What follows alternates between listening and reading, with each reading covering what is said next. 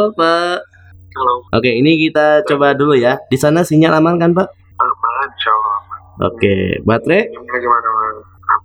Oke. Kalau hubungan gimana nih Pak? Gimana gimana gimana? Enggak, tadi itu bakal opening dari podcast gitu. Kalau misalnya kalau Bapak sering dengerin podcast gua itu tadi openingnya, mari kita mulai. Hai, my name Bana Menat and welcome to this podcast. Dan ini merupakan anak rantau juga. Dan coba dong Bapak introduce yourself lah. Kenalin diri Bapak, nama Bapak siapa, umur Bapak-Bapak, dan kesibukannya lagi ngapain sih sekarang Pak? Coba introduce yourself. Oke, eh Bana. Nama gue Robit ya. Ya sebenarnya dibilang anak rantau juga udah enggak, udah bapak-bapak. 39 tahun sih. Bapak rantau kali ya. Boleh, siap. Eh, anak udah dua, jadi bukan anak-anak lagi. Eh, sibukan sekarang lagi kuliah. Eh, lanjut kuliah S3 di Belanda.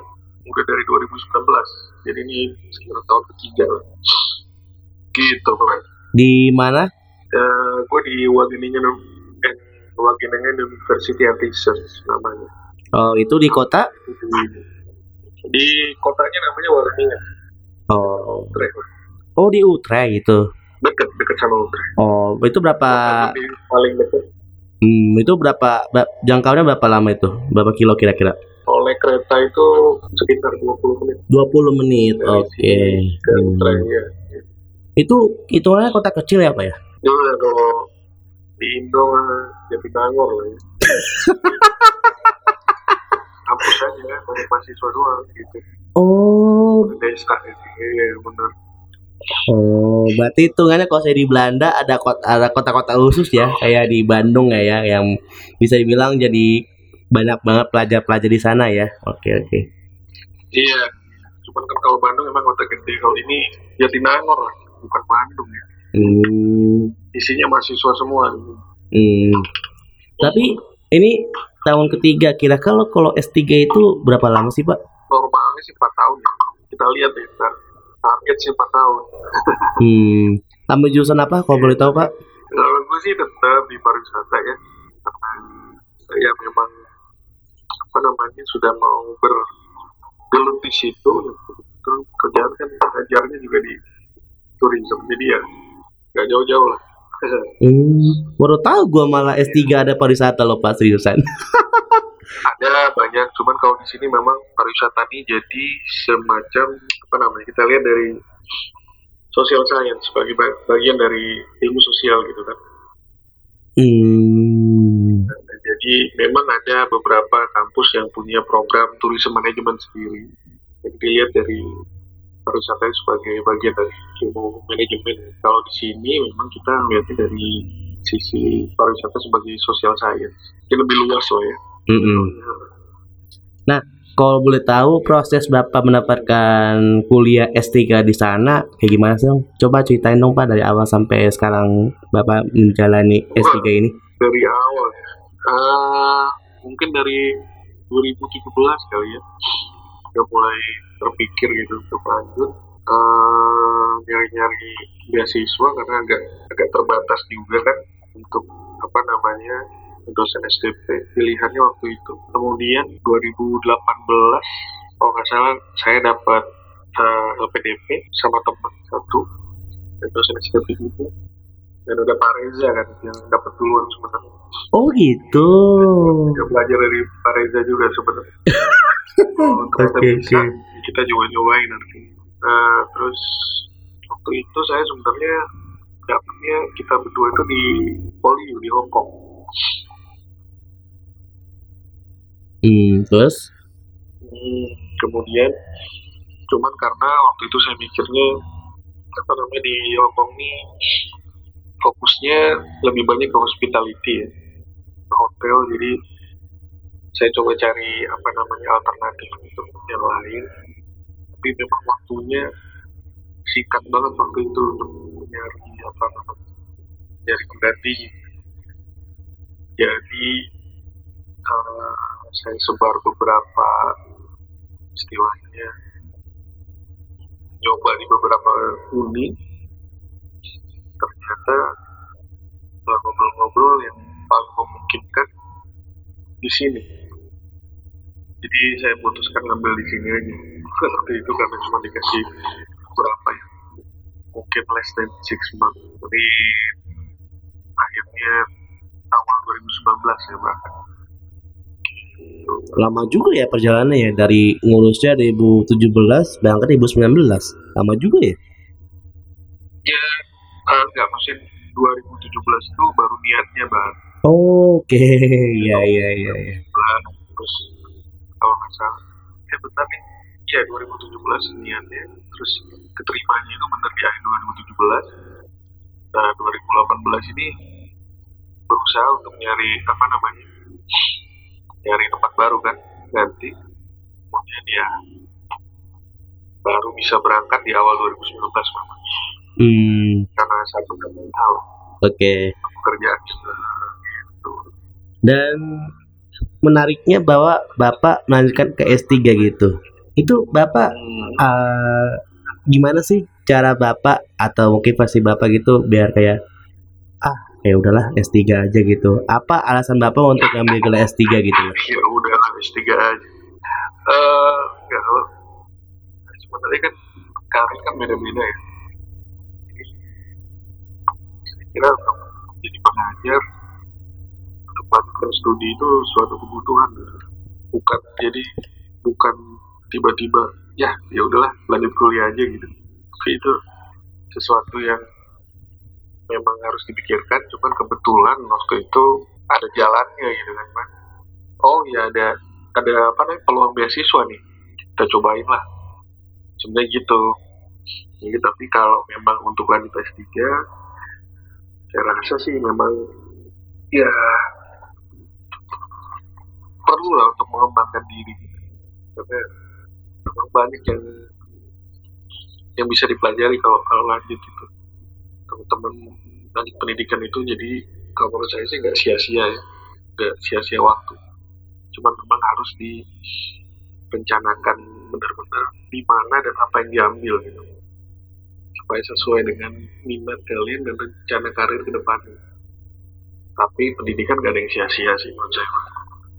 Gitu. Hmm. tapi ini pengalaman merantau bapak pertama kali apa sebelumnya udah pernah merantau sebelumnya? Merantau wah kalau merantau sih gue kan dari Jawa ya. Dari Jawa Timur jadi kuliah di NI dulu itu juga merantau waktu masih mahasiswa. Hmm. ya udah lama malah. Jadi udah dari 2000 tahun 2000 udah merantau sebenarnya. Nggak pernah kerja di kampung halaman lagi kan. Jadi merantau terus sebenarnya. Hmm. 2021 tahun. Iya Jawa Tengah berarti di kota mana pak? Emang bapak as- asalnya? Di Jawa Timur bang di Malang. Oh di Malang. Oke oke. Sorry sorry. Hmm. Iya keluarga di sana tuh Hmm, berarti perasaan Bapak gimana? Ada perbedaan nggak yang pertama kali merantau dan akhirnya merantau kembali? Tapi versinya lebih expert lagi bisa dibilang gitu. Langsung ke luar negeri, langsung ke Belanda gitu. bukan lebih expert lebih jauh aja oh, expertnya sama-sama aja ya sama aja sih bang cuman kan maksudnya kita udah terbiasa jauh dari eh, apa namanya support circle lah ya. Jadi bagi gue sih nggak bukan sesuatu yang yang terlalu sulit. Kecuali ya itu kangen keluarga lah anak istri kan. Belum bisa dibawa nih kebetulan ada satu dan lain hal belum bisa kebawa. Jadi itu yang eh, agak beratnya di situ aja. Selain itu sih semuanya menyenangkan sebenarnya. Hmm, hal baru semua kita belajar iya juga sih. Semet, saya pernah gua kepikiran juga sih bahwa Bapak kan udah nikah nih, udah punya anak, tadi kan udah diinteruskan Bapak bukan jadi anak merantau, jadi Bapak merantau lah, nggak tahu ibu itu Betul, istilahnya. Bang Toyib gua Tapi kan versinya kan beda. Kalau Bang Toy kan pulang bawa duit, kalau Bapak kan pulang bawa gelar. iya juga ya Iya. Tapi Iya, iya, eh, berarti ini hitungannya Bapak pergi pas emang tahun 2017 ada si paham nggak sih sama istri atau sama anak gitu kayak udahlah saya mau merantau buat cari gelar gitu. enggak ya kalau selisih paham sih anakku kan masih kecil waktu itu ya jadi ya ngambek-ngambek biasa aja memang ya ngambek lah nggak mau ditelepon kayak gitu-gitu sih Mm-mm. cuman kalau istri dan keluarga ya udah paham lah. memang eh, apa namanya ini kebutuhan buat masa depan. Dan sayang untuk di- dilewatkan siapa lagi yang mau bayar mau bayar sendiri kan? Nggak akan mampu lah gitu. Iya iya. Lagi pula juga udah ada LPDP kan yang tadi bapak bilang kan? Betul makanya. Kalau itu dilewatkan kan sayang sekali. Nah, oke mungkin kalau saya proses untuk LPDP mungkin Pak Reza udah pernah ceritain kan di podcast gua Iya, yang season betul. 1, yang di season kedua episode ke-1. Nah, kalau saya menurut Bapak sendiri nih, versi Bapak kalau mendapatkan LPDP itu kayak gimana sih untuk bisa ke, eh, ker- ga- merantau ke Belanda gitu? sebenarnya kalau dari saya kalian harus tahu persis istilahnya kampus yang kalian tuju itu seperti apa gitu bikin eh, proposalnya harus jelas juga dan kalau bisa nih walaupun nggak nggak pas nggak apa namanya nggak mutlak harus tapi kalau bisa sih udah punya LOE kalau nggak salah ini aturannya kan berubah-ubah nih Mm-mm, tiap tahun berubah-ubah nih. Hmm. Nah, ini udah tiga tahun nih, artinya mungkin eh, waktu gua tes dulu itu sekarang udah nggak relevan gitu. Mm-mm. Udah nggak baca-baca lagi yang baru. Iya ya, tahun jebot lah ya. Sih kalau hmm, rasanya kalau kalian udah punya surat penerimaan dulu sebelum apply beasiswa akan lebih mudah ya. rasanya sih. Hmm. Ya, dari pengalaman teman-teman saya seperti itu. Jadi udah keterima dulu baru cari dananya gitu. Kalau dibalik. Hmm. mungkin akan lebih sulit tapi Pak Reza kayaknya nggak nggak dapat LOE dulu dia dapat beasiswanya duluan gitu Iya, kalau misalnya Pak Reza, iya kalau misalnya gitu ya. Iya, kalau misalnya Pak Reza, setahu gua sih dia apa? Dia dapat LPDP dulu baru dapat kuliahnya. nah itu dia makanya Nah, tapi mungkin ini kan lebih lebih cocok untuk yang S3 ya nggak ngerti juga dah Pak, nggak ngerti juga. Kalau saya Pak Reza kan dulu S2, kalau Bapak kan S3, lebih tinggi lagi tuh. Iya, Nggak tahu kebijakannya nggak ngerti gua. makanya gue bilang ini mungkin lebih pasnya untuk anak-anak S3 yang mau lanjut S3 soalnya eh, komitmennya kan lebih panjang ya 4 tahun Hmm, akan lebih apa namanya lebih diperhatikan kalau ada LOE nya hmm. Memang BTW Bapak S2 di mana sih? Lupa gua. kemarin di Inggris sih bang cuma nggak di di mana ya di Leeds Beckett namanya. Oh, kalau saya di sana pakai LP, LPDP juga beasiswanya. belum belum ada waktu itu. Atau atau kita belum tahu ya. Itu dari kampus waktu itu rame-rame ada berapa orang bareng Pak Wisnu Bu Indri ada Bu Dedu saya Bu Dedu beda angkatan sama saya. Oke, mungkin Bu Dedu gua ajak. ya Iya iya, oke oke, kayak menarik sih untuk pengganti Bu Indri juga sih. Emang Bu ini kayaknya susah banget buat diganggu. Iya iya iya. Oke, ini mungkin uh, pin topik yang uh, out of top topik aja. Nanti paling gua cut ini.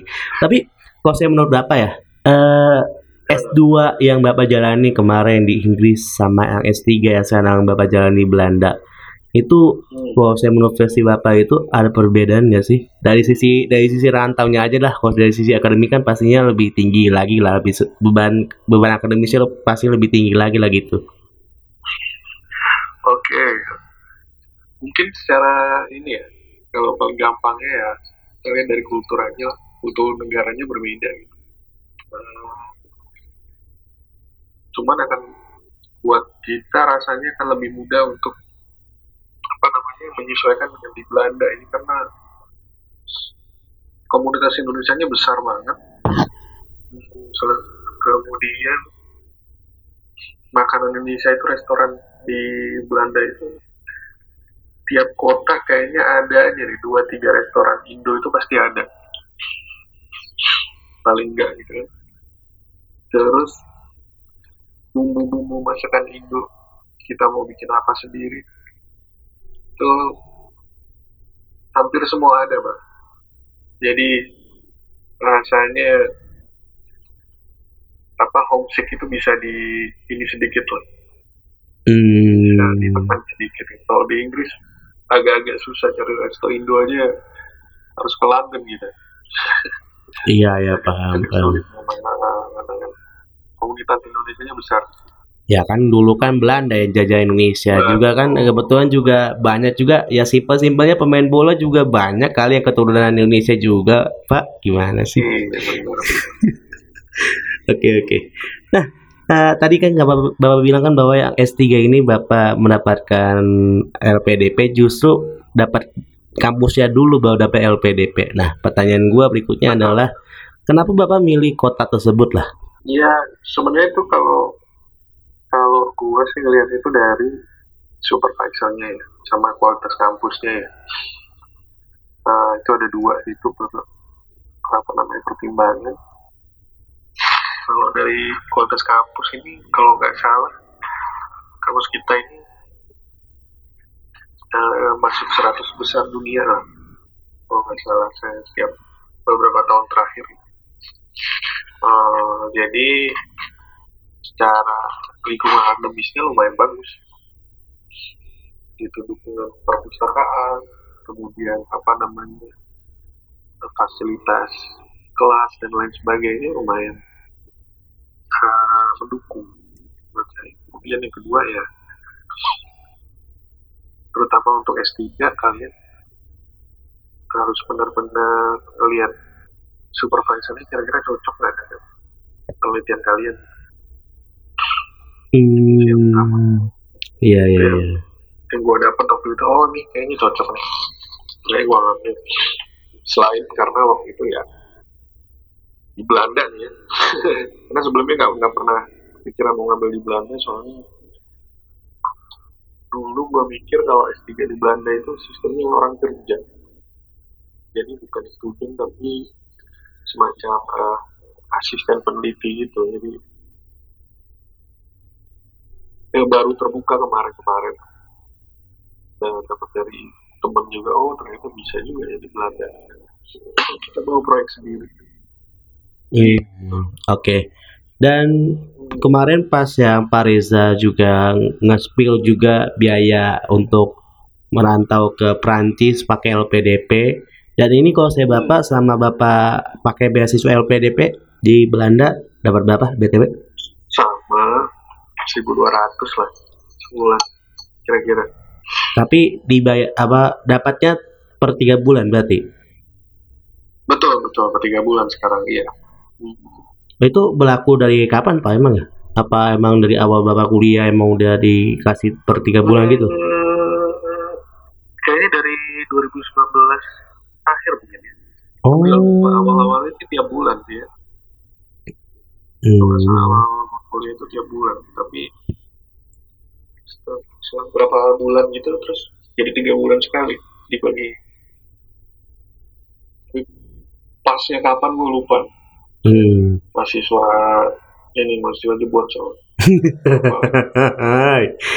Tapi Bapak tahu nggak sih alasannya kenapa LPDP jadi sistemnya begitu? Atau mungkin Bapak kayak nggak kepo gitu?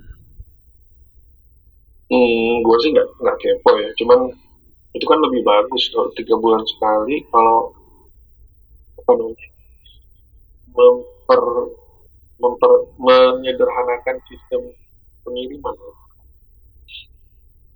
Hmm. tiga bulan sekali artinya mereka mungkin kalau untuk apa namanya eh, proses ngirimnya nggak akan terlalu sulit. Asal ada uangnya artinya mereka ada uangnya itu. Hmm. gaji per bulan kan kalau gajinya nggak ada uang. Ya kayak kita nyicil ya. Nyicil mobil atau nyicil rumah gitu. Ya kita cicil per bulan karena uangnya cuma segitu aja cukup. Kalau mereka kan artinya ada dana yang cukup untuk tiga bulan ke depan.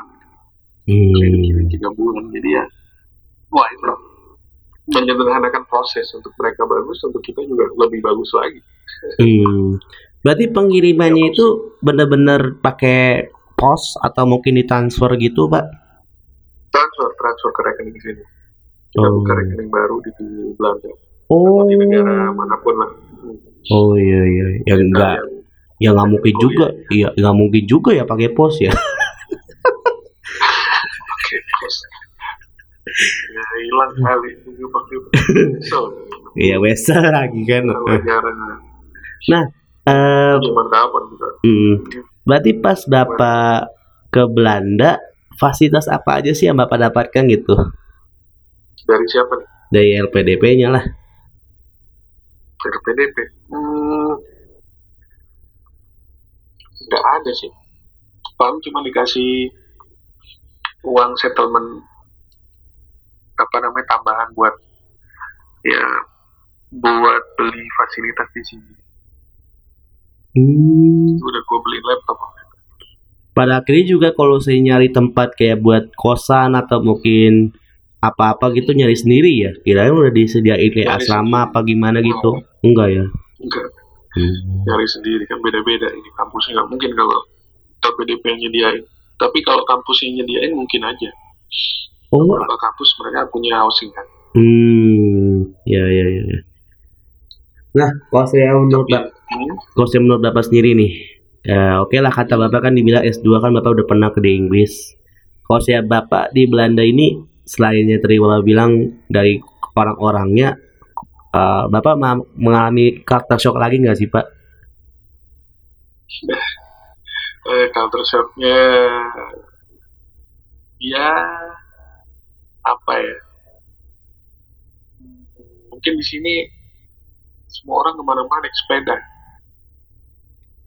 gue orangnya di di Indo ini kurang aktif ya, kurang aktif berolahraga ya. Hmm. jadi eh ya mau nggak mau di sini harus jadinya ke mana-mana naik sepeda dan jadi lama-lama kebiasa juga sih cuman apalagi ngelihat semua orang punya sepeda cuman mungkin eh ya itu yang agak agak sulit gitu. Dan kita mau belanja apa-apa itu kalau barangnya agak gede-gede juga kita tetap bawanya pakai sepeda gitu karena kalau mau pakai mobil mahal banget biayanya Hmm. eh, lebih mandiri aja lah di sini orangnya juga tipikalnya juga lebih mandiri sih orang lokalnya gitu. Hmm. Tapi kalau saya Bapak dari hitungannya tanda petik apartemen lah atau kosan lah nggak ngerti gua kalau saya di sana gimana. Sampai ke kampus itu no, naik sepeda berapa lama Pak? kalau gue pindah-pindah sih memang karena cari yang murah kan ya Oke. eh, tapi rata-rata 2 kilo lah gue cari yang deket-deket sini aja soalnya Hmm. rata-rata 2 kilo aja dari rumah Nah, jauh karena ya kotanya kecil juga kan iya. Masalahnya kalau 2 kilo di Belanda sama 2 kilo di Bandung juga beda nih Pak. BTW nih, 2 kilo di Bandung kan bisa jadi berapa menit nih? Kalau saya di sana berapa menit nih? Ah, di sini cepet nih aman sekarang kalau ke kampus kurang dari 15 10 menit lah 10 menit kurang lah kalau Hmm. agak lagi cepat jalan karena kedinginan di jalan semakin cepat kita bergerak semakin hangat Iya, betul. paling Oh. 8 menit nyampe Hmm. gitu Berarti di Belanda nggak macet lah ya? macet Hmm. kalau naik mobil tapi kan tapi kalau di daerah sini enggak enggak pernah jarang lah kuliah macet kota gede lah macetnya lagi Amsterdam Rotterdam Utrecht macet namanya kan Di kalau di Wageningen desa Oh gitu. Desa. Macetnya macet apa sepeda Hmm. banyak naik sepeda iya Oh, untuk culture shock berikutnya kayak suhu, kultur di sana atau mungkin makanan-makanan di sana, Bapak nggak mengalami culture shock lagi lah ya? kalau suhu masih sih awal-awal karena di sini dinginnya beda gitu. di sini sebenarnya nggak terlalu dingin tapi anginnya angin terus hujan terus hujan sekarang hujan 5 menit lagi kering 10 menit lagi hujan lagi Hmm. kalau kita di luar naik sepeda lumayan buka apa namanya jas hujan pakai lagi buka lagi dalam sehari bisa empat musim ya Sehari empat musim beda ya. Ya, tapi kalau udah biasa sih Hmm. ketemu matahari itu luar biasa bahagianya di sini. Oh gitu. Berarti kalau saya selama Bapak di Belanda suhu terdingin di suhu berapa dan suhu terpanas di suhu berapa? Kalau dingin itu nggak terlalu dingin coba kemarin tuh minus 9 minus 10 aja. Eh, kena 12 kalau nggak salah 12. Minus 12 nggak terlalu dingin, oke. Ya, maksudnya kalau dibanding negara-negara lain di sini ya itu nggak terlalu sih sebenarnya. Oh gitu. Apalagi kan Oh. ya kalau negara-negara di utara eh, Skandinavia gitu waktu winter jauh lebih dingin Iya iya betul betul betul. nggak terlalu dingin Kalau terhangat ya? pernah di atas 30 Wow. sama dengan Bogor lah Jakarta Iya. itu iya. sama panas juga soal tapi kering Oh. Kalau di sana berarti musimnya lagi winter lah ya? Sekarang ya mau masuk winter lah masih autumn tapi udah akhir-akhir autumn ya deket lagi winter is coming Emang kalau saya di sana winter menurut prediksi Bapak lah ya? Itu per hmm. per, per pertengahan bulan ini ya berarti ya? Hmm, biasanya sih akhir November atau awal Desember ya Oh iya iya iya iya. Ya maklum gua ke luar negeri aja ke Thailand doang gitu gua. Itu pun field trip. seru kali kan katanya ah, ilah ketemu bencong gua. ya Oh, berarti ini kita take tanggal 14 November 2021 berarti bisa dibilang pertengahan lah ya. Ada autumn menuju apa ya? uh, Iya, winter lah ya. iya udah hampir winter. Hmm. suhunya juga udah drop terus Hmm. ya, di bawah 10 ya tiap hari jadi udah winter kayaknya sih Oh. Biasanya kalau Bapak pertama kali ke luar negeri itu merasa unik nggak sih kalau ketemu salju, Pak? dulu Inggris kemarin sih kayak orang kampung memang temu salju langsung eh, telanjang dada nari-nari di depan foto Eh, namanya orang kampung ya iya, wajar wajar wajar. Oke oke. Berarti untuk uh, fasilitas yang Bapak sekarang dapatkan apa aja nih? Eh, di apartemen atau di mana BTW nih sekarang nih? Apartemen apa gimana? Iya, kalau dibilang apartemen studio. Studio. Iya, apartemen studio. Jadi cuman eh, ini kan student housing ini. ya. Jadi cuman kamar biasa nanti eh, dapur, kamar mandi itu sharing sama teman-teman yang lain. Hmm, Kayak kosan aja sebenarnya. Cuman di gedung bertingkat gitu kan. hmm. Satu ruangan dua orang. Enggak sendiri, cuman eh, kamar mandi sama dapurnya share sama tujuh orang yang lain. kalau. Oh, kamarnya sendiri. Kamar mandi ada berapa emang BTW di sana? Kenapa? Kamar mandi ada berapa? Dua. Ada dua, ya ada dua. Hmm. Buat delapan orang, satu buat empat orang. Tapi kita nggak tahu ya di sana ada cewek atau cowok berapa orang ya. Kita nggak tahu. Itu kita berdasarkan dengan nataan aja kali ya. Iya, kayak nggak campur-campur aja di sini. Ya, apa, pemisahan kayak gitu. Hmm, oke. Nah, kalau anak rantau biasanya tidak lepas dari tanggal tua. Nah, kalau saya bapak pengalaman tanggal tua bapak gimana tuh? Tanggal tua ya. Sini tanggal tuanya itu lebih ber, berurusannya sama Indomie lah biasa. Jadi tanggal muda juga Indomie sebenarnya. tanggal muda Indomie terus. Sering banget ya, tapi nggak bagus ya. Jangan ditiru ya. Tapi ya gimana ya.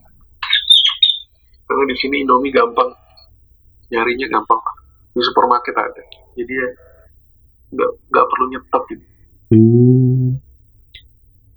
Emang di sana Indomie, sama SSE Hah? emang di sana Indomie berapa euro? ini mungkin 50 sen ya 50 sen itu artinya 8 ribu lah ya buset.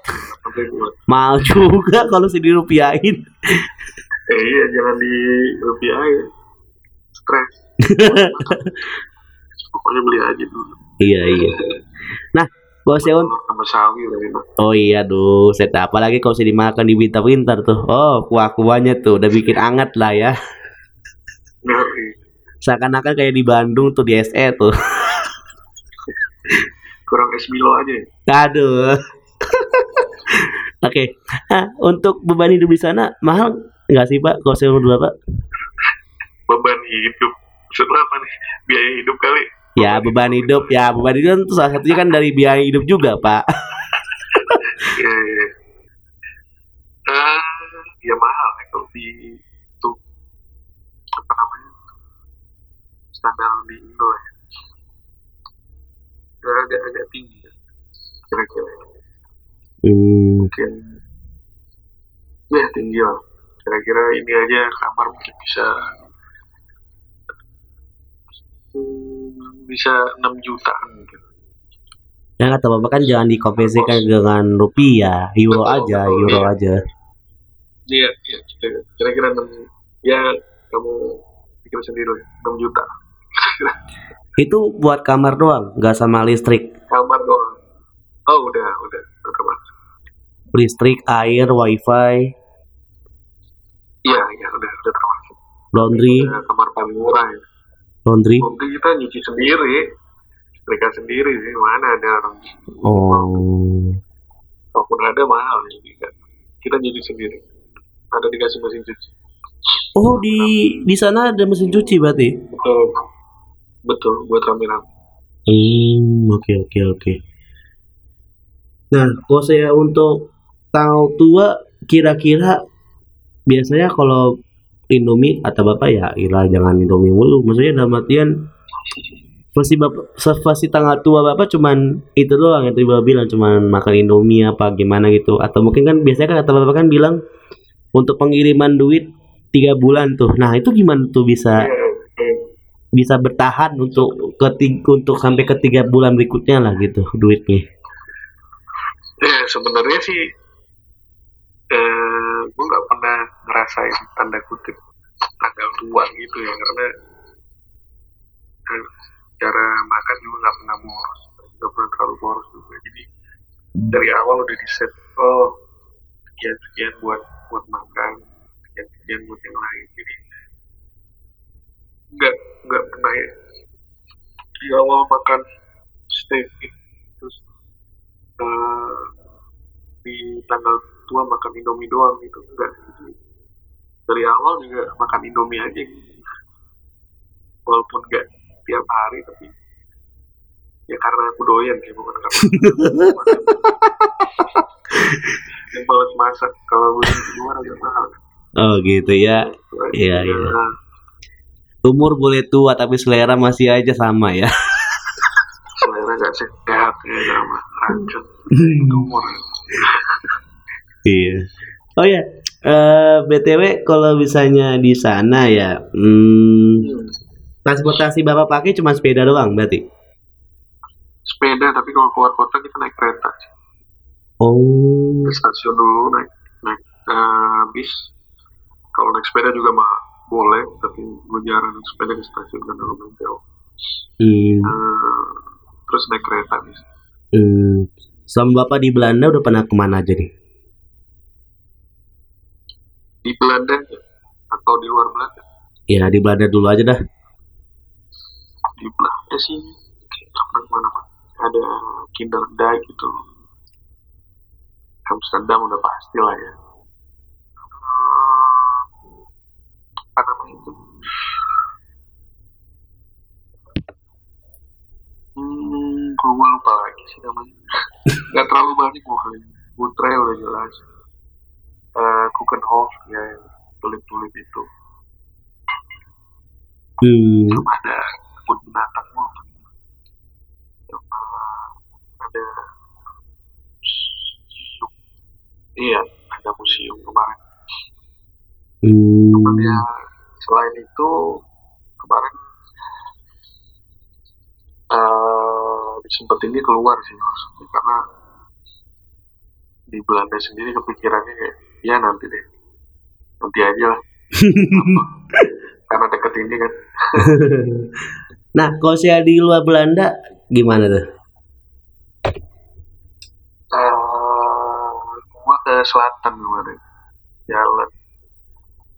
Naik bis uh, berhenti berhenti. Itu sampai Bosnia terus sampai Turki juga terus terbang lagi ke Amsterdam. Hmm. Emang sengaja cari rute ke selatan karena kayaknya belum pernah ya. belum pernah ke sana ya. gue ngerasa wah ini jarang-jarang bisa ke sini kalau nggak kalau nggak diniatin gitu oh berarti bisa dibilang bapak walaupun hitungannya ngambil gelar pariwisata juga malas juga buat jalan-jalan ya uh, bukan malas sih bang sebenarnya kan itu berhubungan sama biaya juga nih mas. Oh oke okay. ya ya. Jadi di, uh, istilahnya di sini kan kalau untuk keluar juga nggak nggak nggak murah lah kita jalan. Hmm. Ya kemarin itu terus covid kan. Iya Dari pas. 2020 covid kan jadi ya tadinya udah pikir mau coba jalan lagi cuman karena covid ya waduh kita batalin semuanya. Hmm oke. Okay. Jadi moga-moga tahun depan lah bisa jaga ini lagi ya. Amin. Eh btw kalau saya di Belanda mau mengenai COVID sempat ada panik buying gitu nggak sih? Atau mungkin ada heboh-heboh apa gitu sih? Kalau saya di Indonesia kan lebih heboh tuh ada panik buying apa gimana gitu. Gue penasaran kalau saya di Belanda gimana sih pak? Panik buying sih enggak ya. Ya paling rame kayak itu apa toilet paper itu, cuman nggak terlalu di sini orangnya nggak nggak terlalu panik kayak di di Australia atau di Amerika nggak terlalu karena di lockdownnya sendiri juga nggak pernah lockdown benar-benar lockdown gitu jadi partial lockdown terus kalau di kita ppkm lah gitu. Hmm. toko-toko itu nggak pernah tutup buka aja terus cuman memang uh, jamnya dikurangi seperti itu nggak pernah benar-benar uh, lockdown di rumah Hmm. Tapi kalau selama COVID ini ada ada ada atau dalam mati yang ppkm gini, duit LPDP masih jalan pak atau emang sempet stop gitu? ya moga-moga nggak di lockdown juga deh duitnya bisa ya nggak sakit jadi sakit nih. Gitu bahaya kan. Tapi pernah. Moga nggak nggak Hmm. sejauh ini LPDP sangat terpercaya mantap. Nah, kalau saya untuk menaik jalan-jalan tadi, baik yang dari Belanda, baik yang di Belanda maupun yang di luar Belanda, Bapak pernah nggak sih ke suatu destinasi wisata atau tempat wisata gitu yang kalau saya untuk akses ke sana itu pun susah banget gitu loh, pernah nggak? Kalau di Eropa secara umum sih aksesnya mudah ya. Lebih mudah. Cuman memang kalau kita kayak orang Indonesia ini sebenarnya perhitungannya biaya lah ya. Nggak tahu orang Indonesia yang lain. Kalau gue sih hitungannya biaya. Kayak ke kemarin ke Bosnia itu juga. Sebenarnya kan lumayan jauh. Kalau pesawat sangat mahal kemarin itu bisa. Hampir sama kayak pulang ke Indo lah. Duh. jadi Mahal banget. ya itu ya itu karena mu- mungkin hitungannya apa? Remote ya. nah, agak terpencil jadi biaya itu juga nggak mahal gitu gue naik bis tapi mampir dulu ke jadi bisnya mampir terus ganti bis ganti bis transit transit gitu nah, biar lebih murah dan ya sekalian jalan-jalan di negara-negara tersebut. Kan di sini naik bis dua jam aja udah beda negara. Hmm. beda negara lain Iya. dan batasnya deket-deket gitu. Jadi kemarin tuh ka- kalau yang paling susah mungkin ke arah timur ya.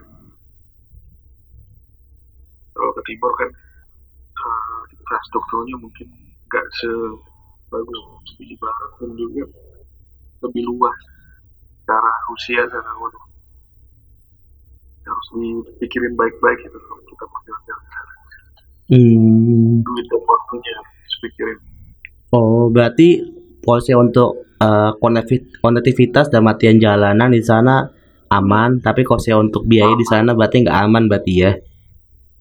Tergantung punya duit berapa duitnya banyak sih mana-mana iya taksi dasar taksi iya Enggak, Mas gua tadi kirain uh, Bapak kayak sama kayak Pak Reza gitu sampai ke mana gitu buat jalan-jalan. Maroko ya. Maroko iya juga. Pokoknya adalah 40 negara lah dibilang itu sampai gua kaget. Set. Banyak emang. Waktu itu Reza emang banyak. Kalau gua kemarin karena covid jadi setahun setengah nggak ke mana-mana. Bisa dibilang masih agak takut juga Iya kan kalau saya dulu kan Pariza kan ceritanya kan pas sebelum pandemi itu dia kan kuliah kan udah kelar kan pas sebelum pandemi pak. Ya. Kalau saya bapak kan dalam artian dari mulai kuliah sampai sekarang pun masih masih menjalani lah gitu dari awal dia awal, awal kuliah kan nggak pandemi sekarang masih menjadi pandemi gitu. Kirain pengalaman perjalanan bapak justru lumayan panjang gitu loh, ternyata enggak juga ya. enggak. Lagi belum belum ya moga-moga masih sempat lah nanti sama keluarga hmm. apa jangan-jangan duit bapak LPDP sepertiganya atau mungkin setengahnya langsung langsung kasih ke istri gitu kali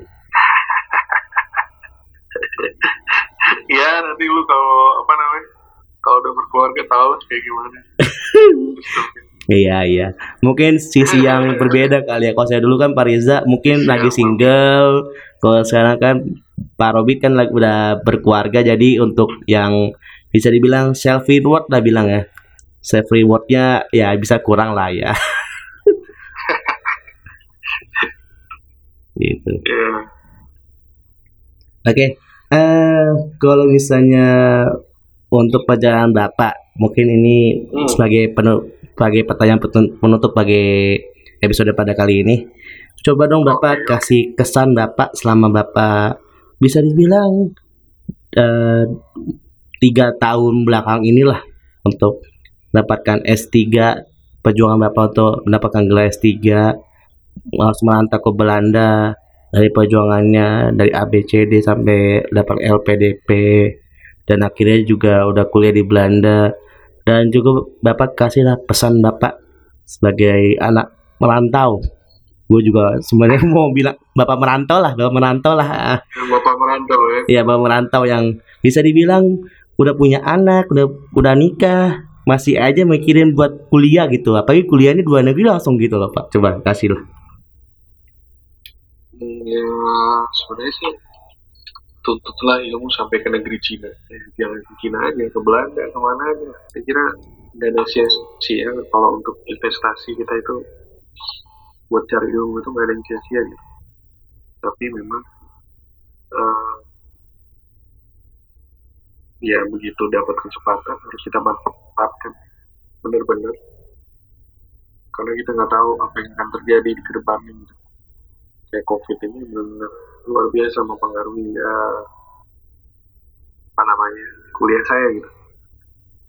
Dan uh, jadi kadang kita kita berpikir oh mungkin kalau kita lakukan ini sebelum covid akan lebih baik hasilnya. Kan kita nggak tahu. Jadi kita nggak tahu kalau ada covid ini nggak ada yang tahu. Jadi mungkin pesan itu selalu siap untuk kesempatan itu datang dan jangan buang waktu. Kerjakan semuanya selama uh, secepat mungkin. Kalau kalian bisa jangan menunda-nunda. Karena kalau menunda-nunda ternyata ada hal yang kita nggak bisa kontrol kayak covid ini. Dampaknya mungkin akan lebih lebih besar dari yang kita dari yang kita bayangkan gitu. jadi intinya tetap semangat jangan pernah puas terus mencoba dan jangan menunda-nunda gitu pasti dikasih jalan insya Allah gitu aja saya Oke, siap. Mungkin ada berapa kata-kata yang mungkin belum gua utarakan dari pertanyaan-pertanyaan mengenai cerita Bapak merantau ke Belanda dan mungkin ada pengen Bapak ngomong gitu. apa ya? Nggak ada sih maksudnya itu aja. Lah, intinya belajar itu nggak pernah rugi lah kita belajar apa pun itu. Yang penting kita tahu bagaimana memanfaatkannya sesuai dengan eh, minat kita dan juga di jalan yang benar ya. Bukan buat yang negatif tapi namanya merantau itu? Apalagi untuk mencari ilmu dan mencari rezeki. Itu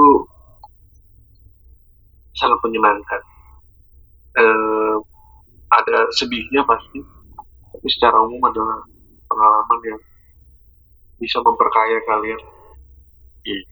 Gak cuma materi tapi secara pengalaman dan kedewasaan gitu. Oke, siap. Thank you ya Pak Robin atas waktunya. Sorry banget nih ganggu waktu Bapak nih.